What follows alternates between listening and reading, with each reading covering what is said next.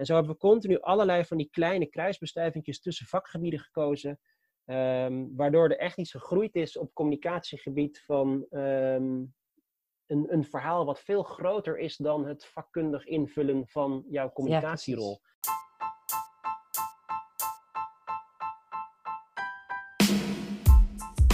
Welkom bij Getting Comfy With, de podcast voor en over communicatiemensen. Comfy is een samentrekking van communicatie en koffie. Precies wat we in onze podcast doen. Tijdens een kop koffie gaan we in gesprek met de communicatiemens met een goed verhaal. En in deze speciale serie, die we in samenwerking met Longeil maken, zijn dat niet de minste. Namelijk de finalisten voor communicatieman of vrouw en communicatietalent van het jaar. Ieder vertelt waarom juist hij of zij zou moeten winnen. En tegelijkertijd leren we ze beter kennen. In gesprek met Guido Stijn, genomineerd voor Communicatieman van het jaar en Director Customer Strategy and Brand bij Vattenfall. Vattenfall, was dat niet eerst Nuon? Ja, precies. Guido en zijn team hebben in 2019 deze naamsverandering vormgegeven en en passant ook hun nieuwe purpose in Nederland gelanceerd. Namelijk fossielvrij leven in één generatie. Met deze unieke uitdaging, die naar eigen zeggen unieke resultaten opleverde, kwam hij in de finale terecht. Welkom Guido. Dank Bianca. Hoi. Hoe is het met Mooie jou? Intro, ja, mooi intro als je het zo samenvat. Dat was inderdaad 2019. Ja, ja. Een, eh, een druk jaar. Klopt. Ja, ja. Nog steeds hoor. Ja? Ja. Vertel. En om je aan eerste vraag te beantwoorden, het is goed. Ja, ik natuurlijk vanuit huis. Ja, precies. Ja. Ehm, vanuit huis, maar eh, niet, eh, niet out of touch met, eh, met de werkelijkheid of met mijn team. Dus het werk gaat gewoon door. En nou, ik kijk uit mijn, uit mijn raam op, op wat mooie bomen. Maar, Ja, dat is, dat is wel fijn. Ja, ja. ja, we hadden het net the record al even over dat je echt actief met je team in contact moet blijven hè, in deze gekke tijden. En nou ja, dat je dat vormgeeft in wandelingen en, en veel teamsvergaderingen. Klopt. Ik ben eh, zelf heel veel buiten. Ik heb dat ook in week 1 een paar dagen niet gedaan. En toen kreeg ik toch wat last van mijn rug. Dus ik heb dat ook gelijk aan mijn team geïnformeerd van jongens, ik ga zoveel mogelijk van mijn eh, telefoontjes met jullie ga ik eh, buiten al wandelend doen. Ja, Daar voel ik mezelf beter van. En eh, eigenlijk is het ook gewoon een heel fijne upside dat je die kans nu hebt. ja, Dus ik heb ondertussen alle eh, jonge vogeltjes hier in de buurt eh, zie ik opgroeien. En ik weet precies welk nestje waar zit. En eh, nou, de Ja. ijsvogels eh, worden gespot. Dus eh, dat, dat deel gaat hartstikke goed. Kijk, En, dat heb je eh, niet ik als je op dat iedereen in het team het ook waardeert. Ehm, de coronakilo's die zijn bij mij in de min ook. Dus dat is ook Hey. een, een, voor mij persoonlijk een, een positieve. Ja. Maar blijft natuurlijk vooral in de connectie een, een, gekke tijd. ja, is het, is het. Als we even teruggaan naar eh, jouw finale plaats. Wat, wat gebeurde er toen je hoorde dat je erin kwam? Dat je erin stond? Ja, stiekem was dat toch wel gewoon eh, heel erg leuk. En een gevoel van trots. Ja? Ehm, ik ben niet een, een communicatiepersoon vanuit origine, vanuit hart en nieren.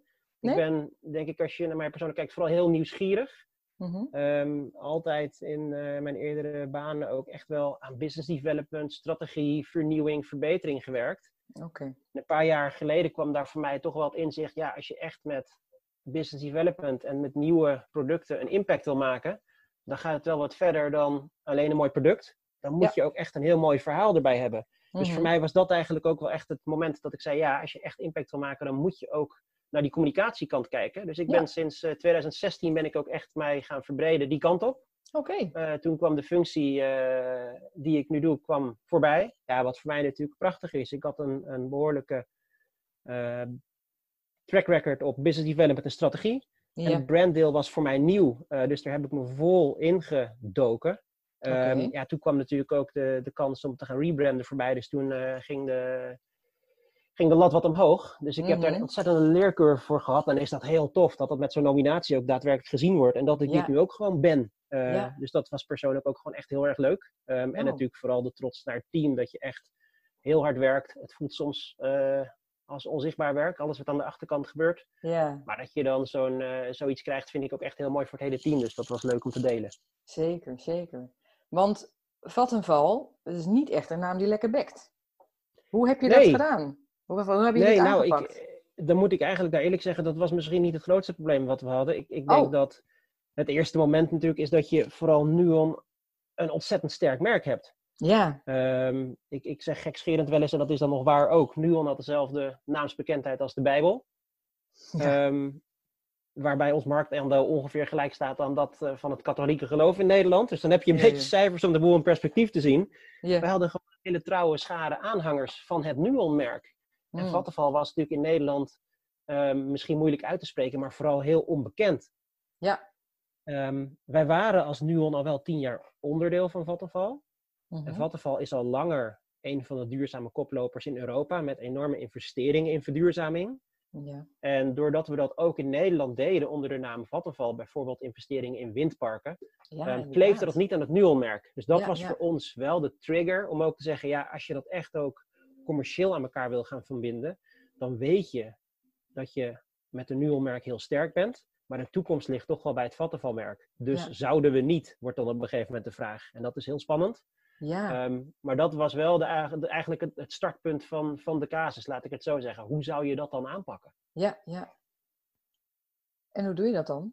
Ja, ik wou zeggen, ik stel mijn eigen vragen. Ja, ja precies. Ik hoef niks meer te zeggen, heerlijk. Ehm, nee, en, en dat is best even ingewikkeld geweest, want het, het was zo groot. Ehm, het was natuurlijk ook heel commercieel gevoelig, dus we zijn ook gestart met een heel klein team. Want als je dit te snel eh, naar buiten hebt, dan is dit eh, ja, voor concurrenten natuurlijk echt wel waardevolle informatie dat je zo'n Ja. naamsverandering gaat doen. Ja. Ook voor medewerkers is het natuurlijk heel belangrijk. Dus ik heb met een heel klein team ehm, en wat, eh, wat adviseurs heb ik in behoorlijke stilte. Dat was heel gek voor mijn vaste team, die mij natuurlijk opeens eh, ja, toch best veel kwijt waren Ja. ben ik aan een plan gaan werken. Eh, Ja. En dat ging vooral over hoe en waar zit nu de as over de medewerkers. Die heb ik Mhm. eigenlijk vanaf één, eh, punt 1 in het programma op de eerste plek gezet.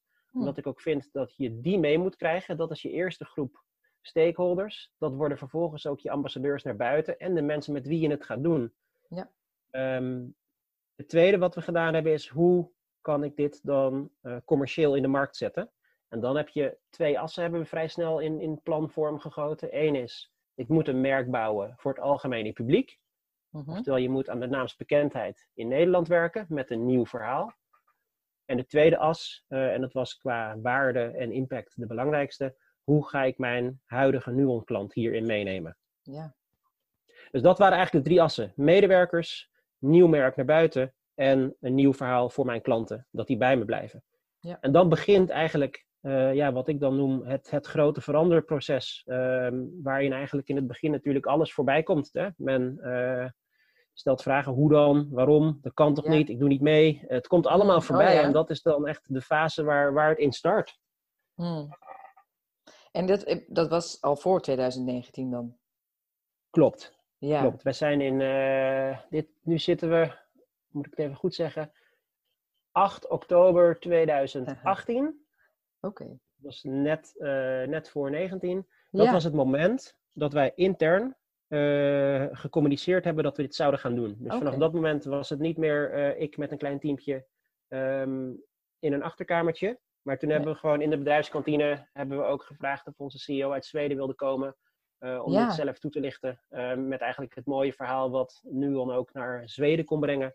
Ehm, om daar ook gelijk het commitment te laten zien dat, dat het wel serieus was en niet iets wat we er even bij gaan doen. Ja. Eh, ja. Dus dat was op 8 oktober 2018 en dat was het, het- ja, de start, de kick-off, echt met de ja. medewerkers. Eh, maar wel gelijk ook met heel veel pers erbij.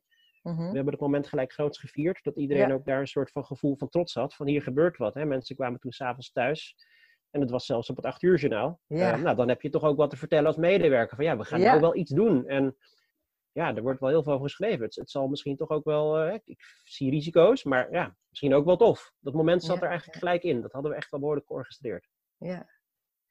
Maar hoe orchestreer je dat dan? Want ik kan me voorstellen, dat zei je net al, dat er ook mensen Mhm. zijn die denken, ja nee, nee, want ik ben Nuon.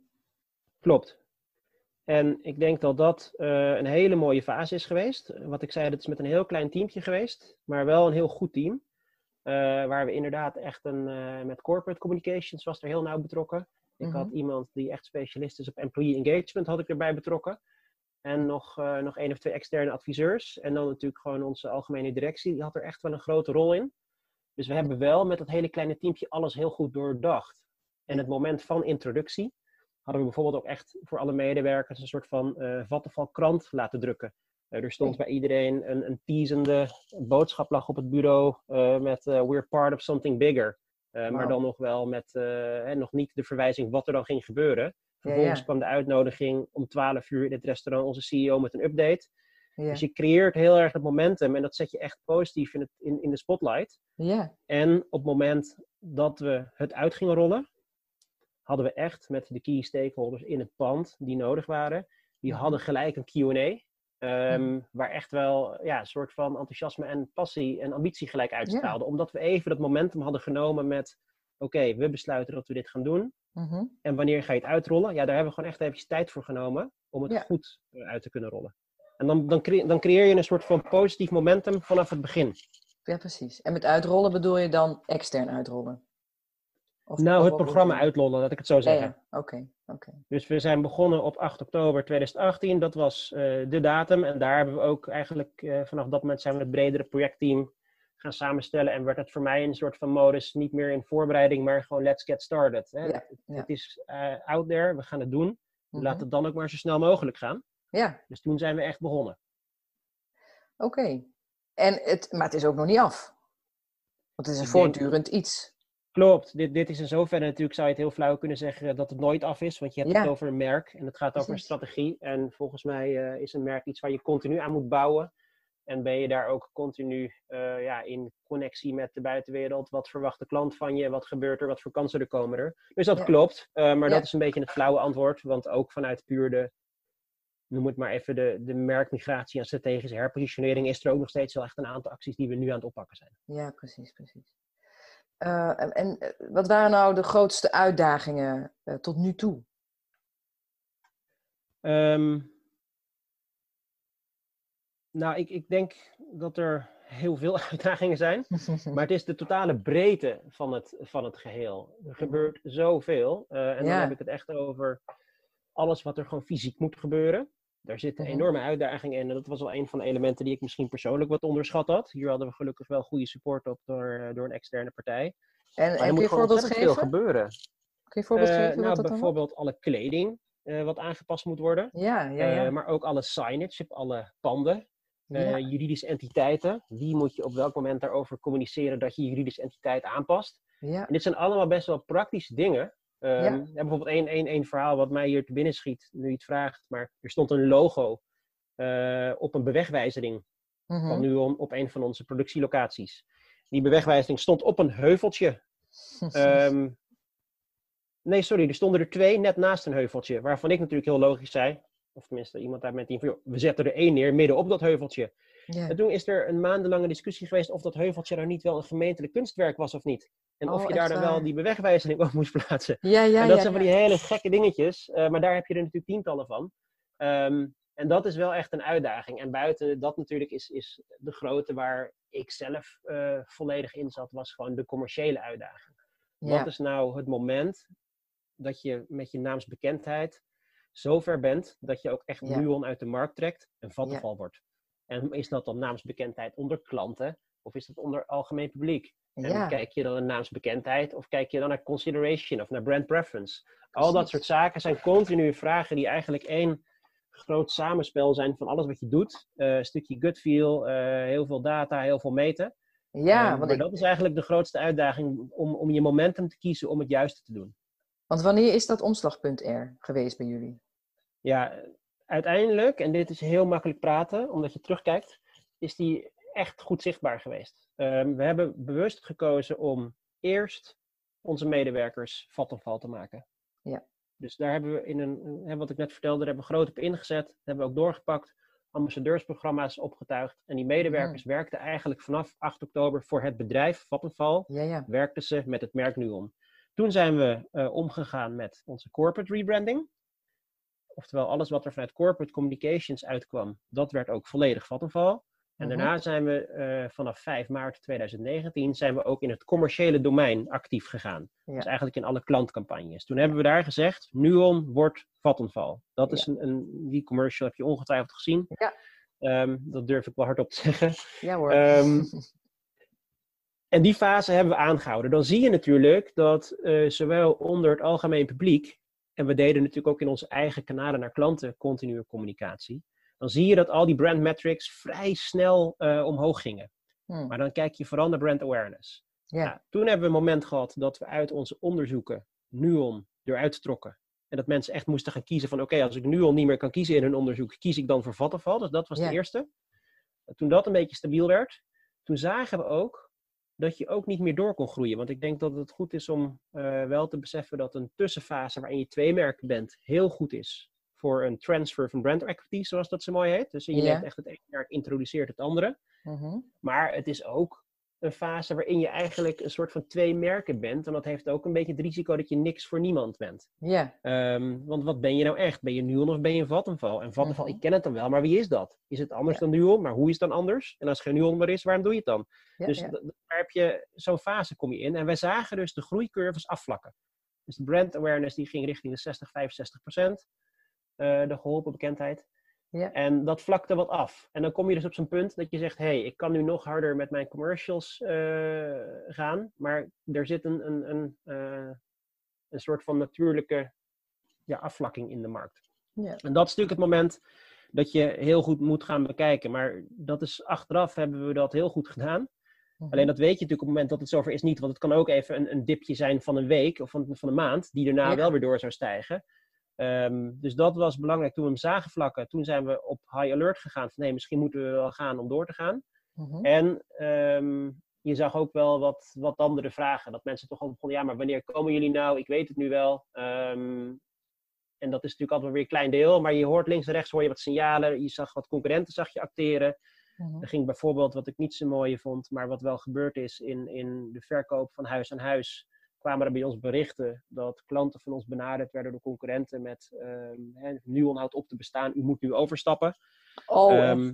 Ja, dat is gebeurd. En als je dan hè, drie, vier, vijf van dat soort signalen hebt, dan voel je wel aan, ah, we zijn nog niet zo sterk als je misschien zou willen. Nee. Maar je moet wel gaan, want dit langer laten duren is ook Ja. niet, eh, niet goed. En dat geeft precies dat, eh, dat duwtje in de rug, laat ik het zo maar noemen, om, eh, om het koude water in te springen. Mhm. En dat is wel, natuurlijk wel een heel tof moment om met z'n allen mee te maken. Want dan weet je gewoon niet echt wat er gaat gebeuren. Hè, we hebben alles Nee. nagedacht, alles doordacht, maar je springt wel het koude water in. Ja, ja. Nuon gaat er gewoon af in een commercial. En, en En- met in het koude water springen bedoel jij gewoon echt overgaan, Vattenval, Nuon, weg. Dit ja, is even want wij zijn in, ja, in een vrij lange periode hebben wij in Nuon huisstijl Vattenval geïntroduceerd. Mhm. Ehm, en op het moment dat je dan, wat ik even noem, het koude water in, ja, dan trek je de hele huisstijl weg. Dan haal je het Nuon logo weg, Nuon naam is weg. Ja, precies. het volledig Vattenval. Mhm. En je hebt natuurlijk je hele nieuwe verhaal. Want ik Ja. was niet meer Vattenval eh, aan het introduceren om brand awareness te creëren. Maar ik ging opeens ging natuurlijk onze ambitie van fossielvrij leven binnen één generatie ging lanceren. En dat Ja, werd maar- daar het moment dat je dat hele verhaal opeens volledig namens Vattenval naar de klant kan vertellen. Ja. En dat kon natuurlijk in de eerste fase niet. Want dat was, Nee. niet, dat was, dat was niet het moment daarvoor.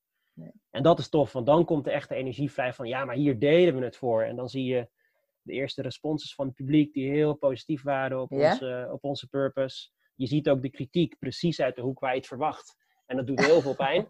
Waar zit die kritiek? om- ja, laten we dat heel simpel samenvatten. Maar wij zetten vol in op oplossen van het klimaatprobleem. Mhm. Ehm, en daar is gewoon een, een behoorlijk deel van Nederland, wat, wat tussen de 10 en de 20 procent zal zweven, ja, die dat echt anders ziet.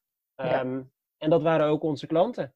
Dus wij kregen inderdaad echt gewoon een mail van, eh, nou, daar kwamen termen als rot op met je klimaatgedram. Ehm, en dat Oh, voelt ja? heel gek, want als Nuon waren wij echt een merk in het midden, laat ik het zo maar even noemen. Ja, ja. En ik heb nooit een klant of een klacht of een probleem gehad als Nuon zijnde, wat ik niet op kon lossen met eigenlijk de vraag, wat zou u een faire oplossing vinden? En dan kwam je er altijd wel uit. Ja. En opeens zitten we midden in dat klimaatdebat en dan kom je Ja. gewoon niet uit. Dat is zo'n tegenstelling. ja. Ehm, daar is ook eigenlijk geen discussie meer. Dus daar moesten wij echt aan wennen, dat je op social media, eh, die afdeling heeft het zwaar gehad, die periode. Dat geloof ik. Ehm. Dus dat was wel, eh, ja, vond ik heel lastig, maar ook heel mooi om te zien dat je boodschap dus echt landt op het juiste niveau. Dat Ja. mensen gewoon echt de behoefte voelen om erop te reageren.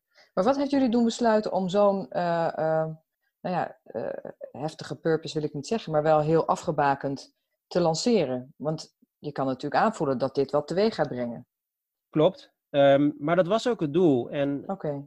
dat, dat gaat natuurlijk wat verder dan alleen van eh Nuon naar Vattenval. Mhm. Ehm, dan is het gewoon terug naar wie Vattenval is. En wij zijn een eh, energiebedrijf Ja. in Noordwest-Europa, wat gewoon wel een van de grootste is, die daar vanuit het eh, hoofdniveau al zegt wij willen die energietransitie gaan leiden. Ja. En dat doen we vooral natuurlijk met onze eigen productie.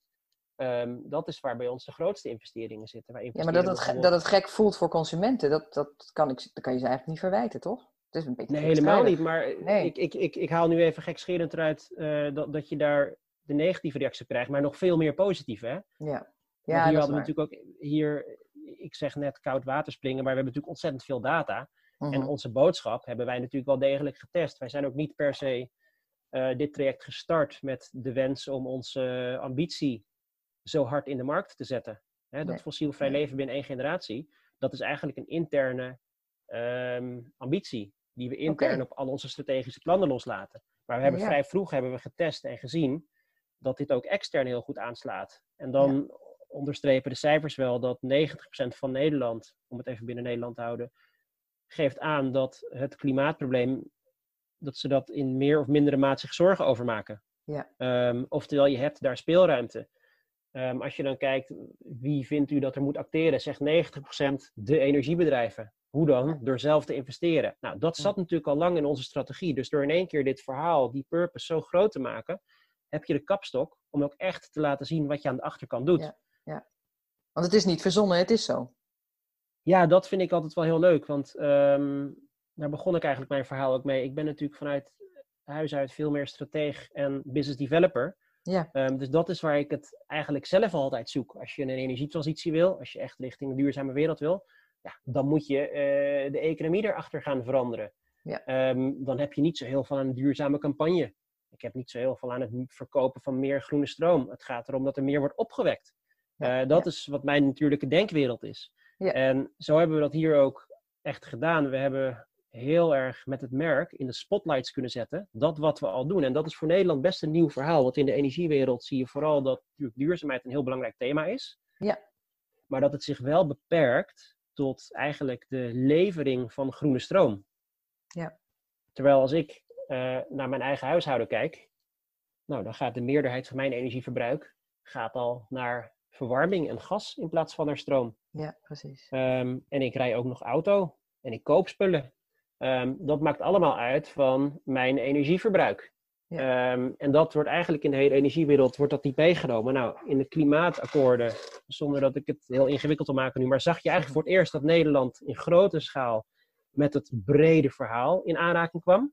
Ja. Dat brede verhaal is natuurlijk precies wat wij als heel bedrijf doen. Niet zozeer als commercieel merk in Nederland, maar dat is wat we als bedrijf doen. Dus ja, wij investeren al in de achterkant. We investeren in oplaadpunten voor elektrisch vervoer. Uh, wij kijken naar oplossingen voor waterstof. Uh, we kijken hoe we staal fossielvrij kunnen produceren. Dus dat zit allemaal in de rugzak van Vattenfall. We konden het alleen in Nederland niet kwijt. Nee, nee. En opeens, op het moment dat Nederland langzaamaan klaar rijdt voor het grotere verhaal van ja, shit, misschien moet er inderdaad echt wel wat meer gebeuren dan alleen maar een groene leverancier kiezen. En dat, dat momentum ontstond gewoon om, om ja. de politieke debatten vorig jaar een Ja. beetje. Ja, dat moment hebben wij natuurlijk wel gepakt om ook met ons verhaal te komen. En dan is het in zoverre ook niet zo heel oncomfortabel om met zo'n grote belofte te gaan. Nee. Ehm, omdat we, ja, flauw gezegd, we hebben wel een plan. Het zal Mhm. ongetwijfeld niet allemaal uitkomen. Eh, ook wij hebben natuurlijk met alle individuele technieken en technologieën ingezet op ontwikkelingen. En je hebt ook te maken met lokaal draagvlak continu. Ehm, maar het, ja, de bouwblokken van het plan liggen er wel. Dus ik heb wel zoiets van, kom maar op. Ja, ja. Want hoe staat het nu met die purpose? Kun je al iets eh, Ehm, eh, al van resultaat van vertellen? Of moeten we een hele generatie lang wachten voordat we het weten? Ehm, nou, kijk, ik, ik denk dat je daar sowieso een generatie moet wachten. Ehm, maar dat, dat is wel het flauwe antwoord. Kijk, wat we nu doen, dat doen we maximaal. En dat is namelijk gewoon zorg dat je eh, je uitstoot van je opwek van elektriciteit vermindert. Hoe doe je dat?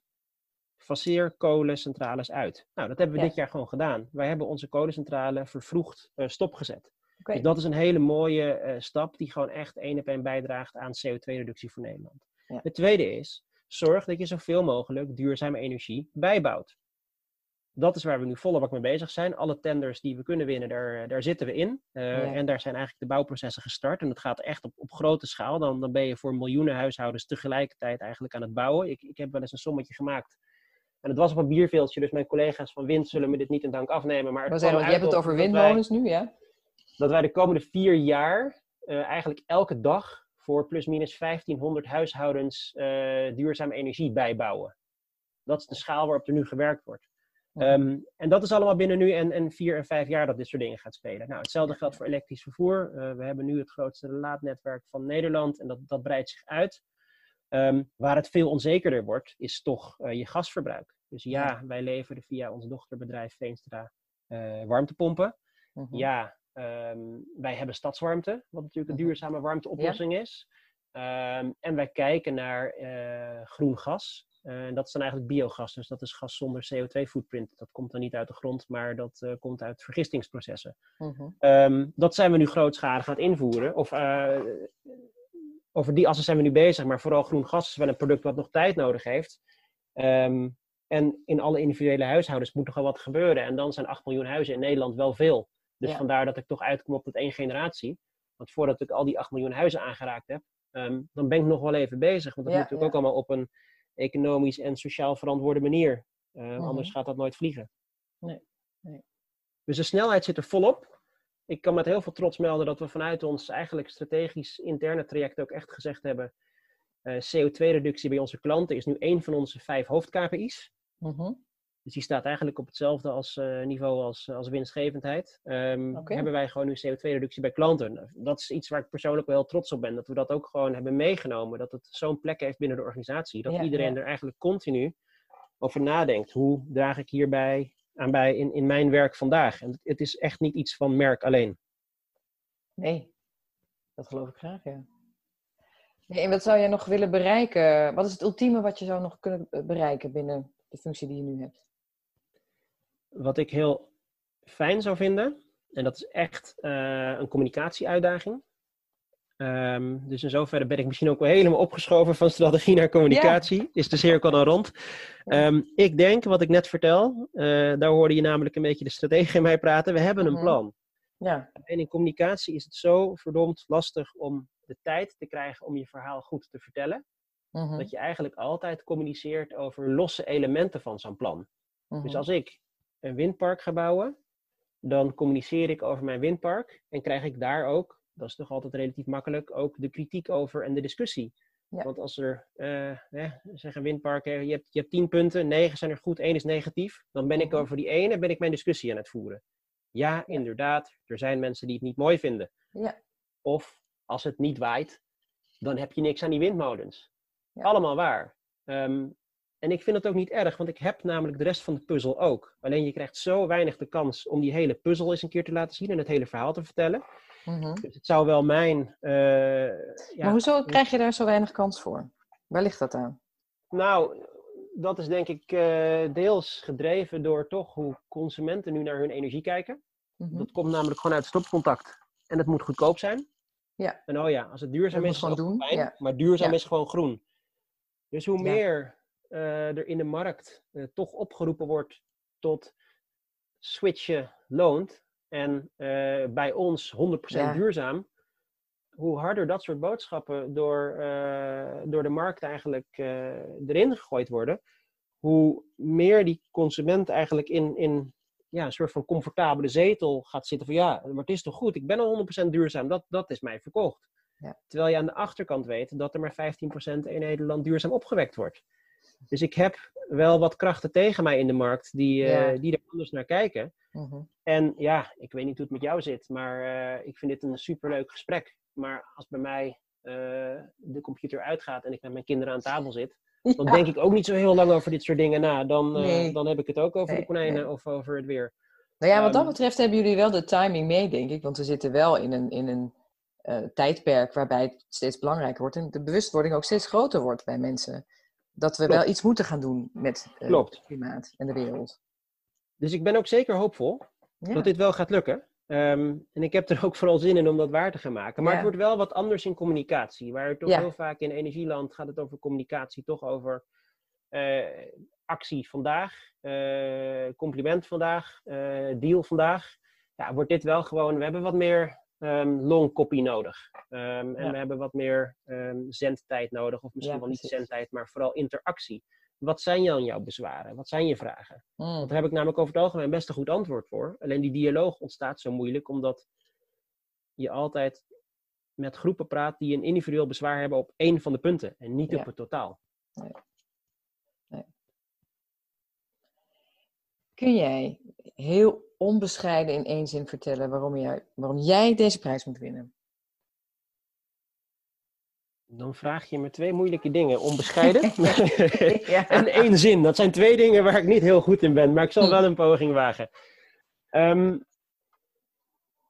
en laat ik het dan vooral eh, anders formuleren. Er zijn drie dingen waar ik heel trots op ben. Oké. En dat is één, het resultaat. Ja. Ik denk dat niemand eh, van de externe adviseurs of de interne eh, mensen die hier meegewerkt, had, meegewerkt heeft, had ingeschat dat je deze merkmigratie zo snel kon doen. En zo volledig. Mhm. En van de week eh, was voor mij daar wel de kroon op het werk dat wij in de Sustainable Brand Index, een, een rapport wat jaarlijks uitkomt, ehm, de grootste stijger waren. in de het, top ja. eh, met een positie boven zo goed als al onze concurrenten minus 1, Green Choice, eh, respect voor hun positionering.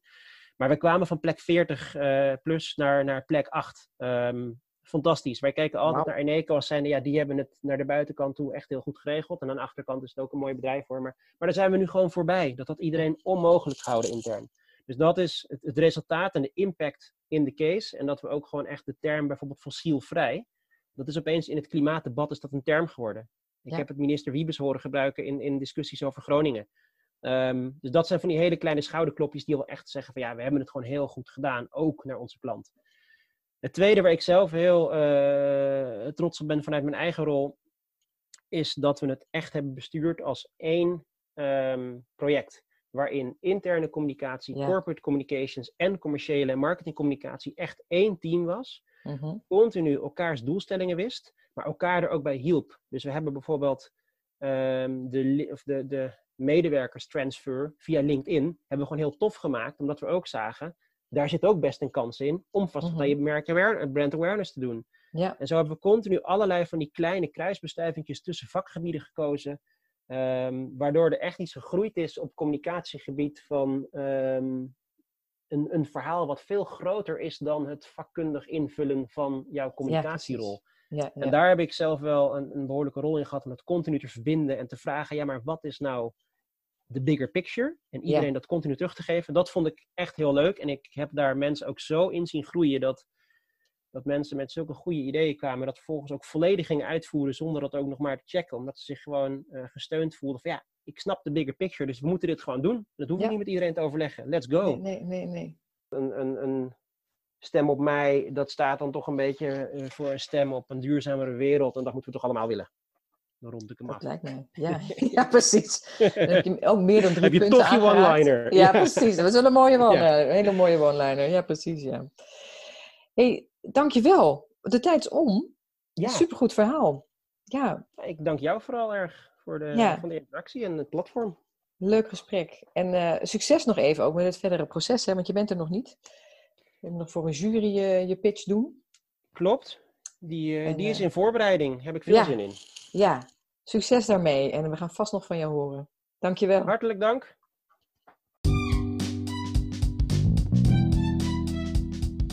Denk je nu, ja, deze mens verdient mijn stem? Ga dan naar www.cd.nl en breng je stem uit voor of op vrijdag 12 juni. Op 16 juni maakt Logion bekend wie de gelukkige winnaar is via de online Logion Live Show, uitgezonden vanuit Capital C in Amsterdam. Wil je nou ook een keer koffie drinken en praten over het vak? Graag! Kijk op futurecommunication.nl en bel of mail. Dankjewel voor het luisteren en tot de volgende!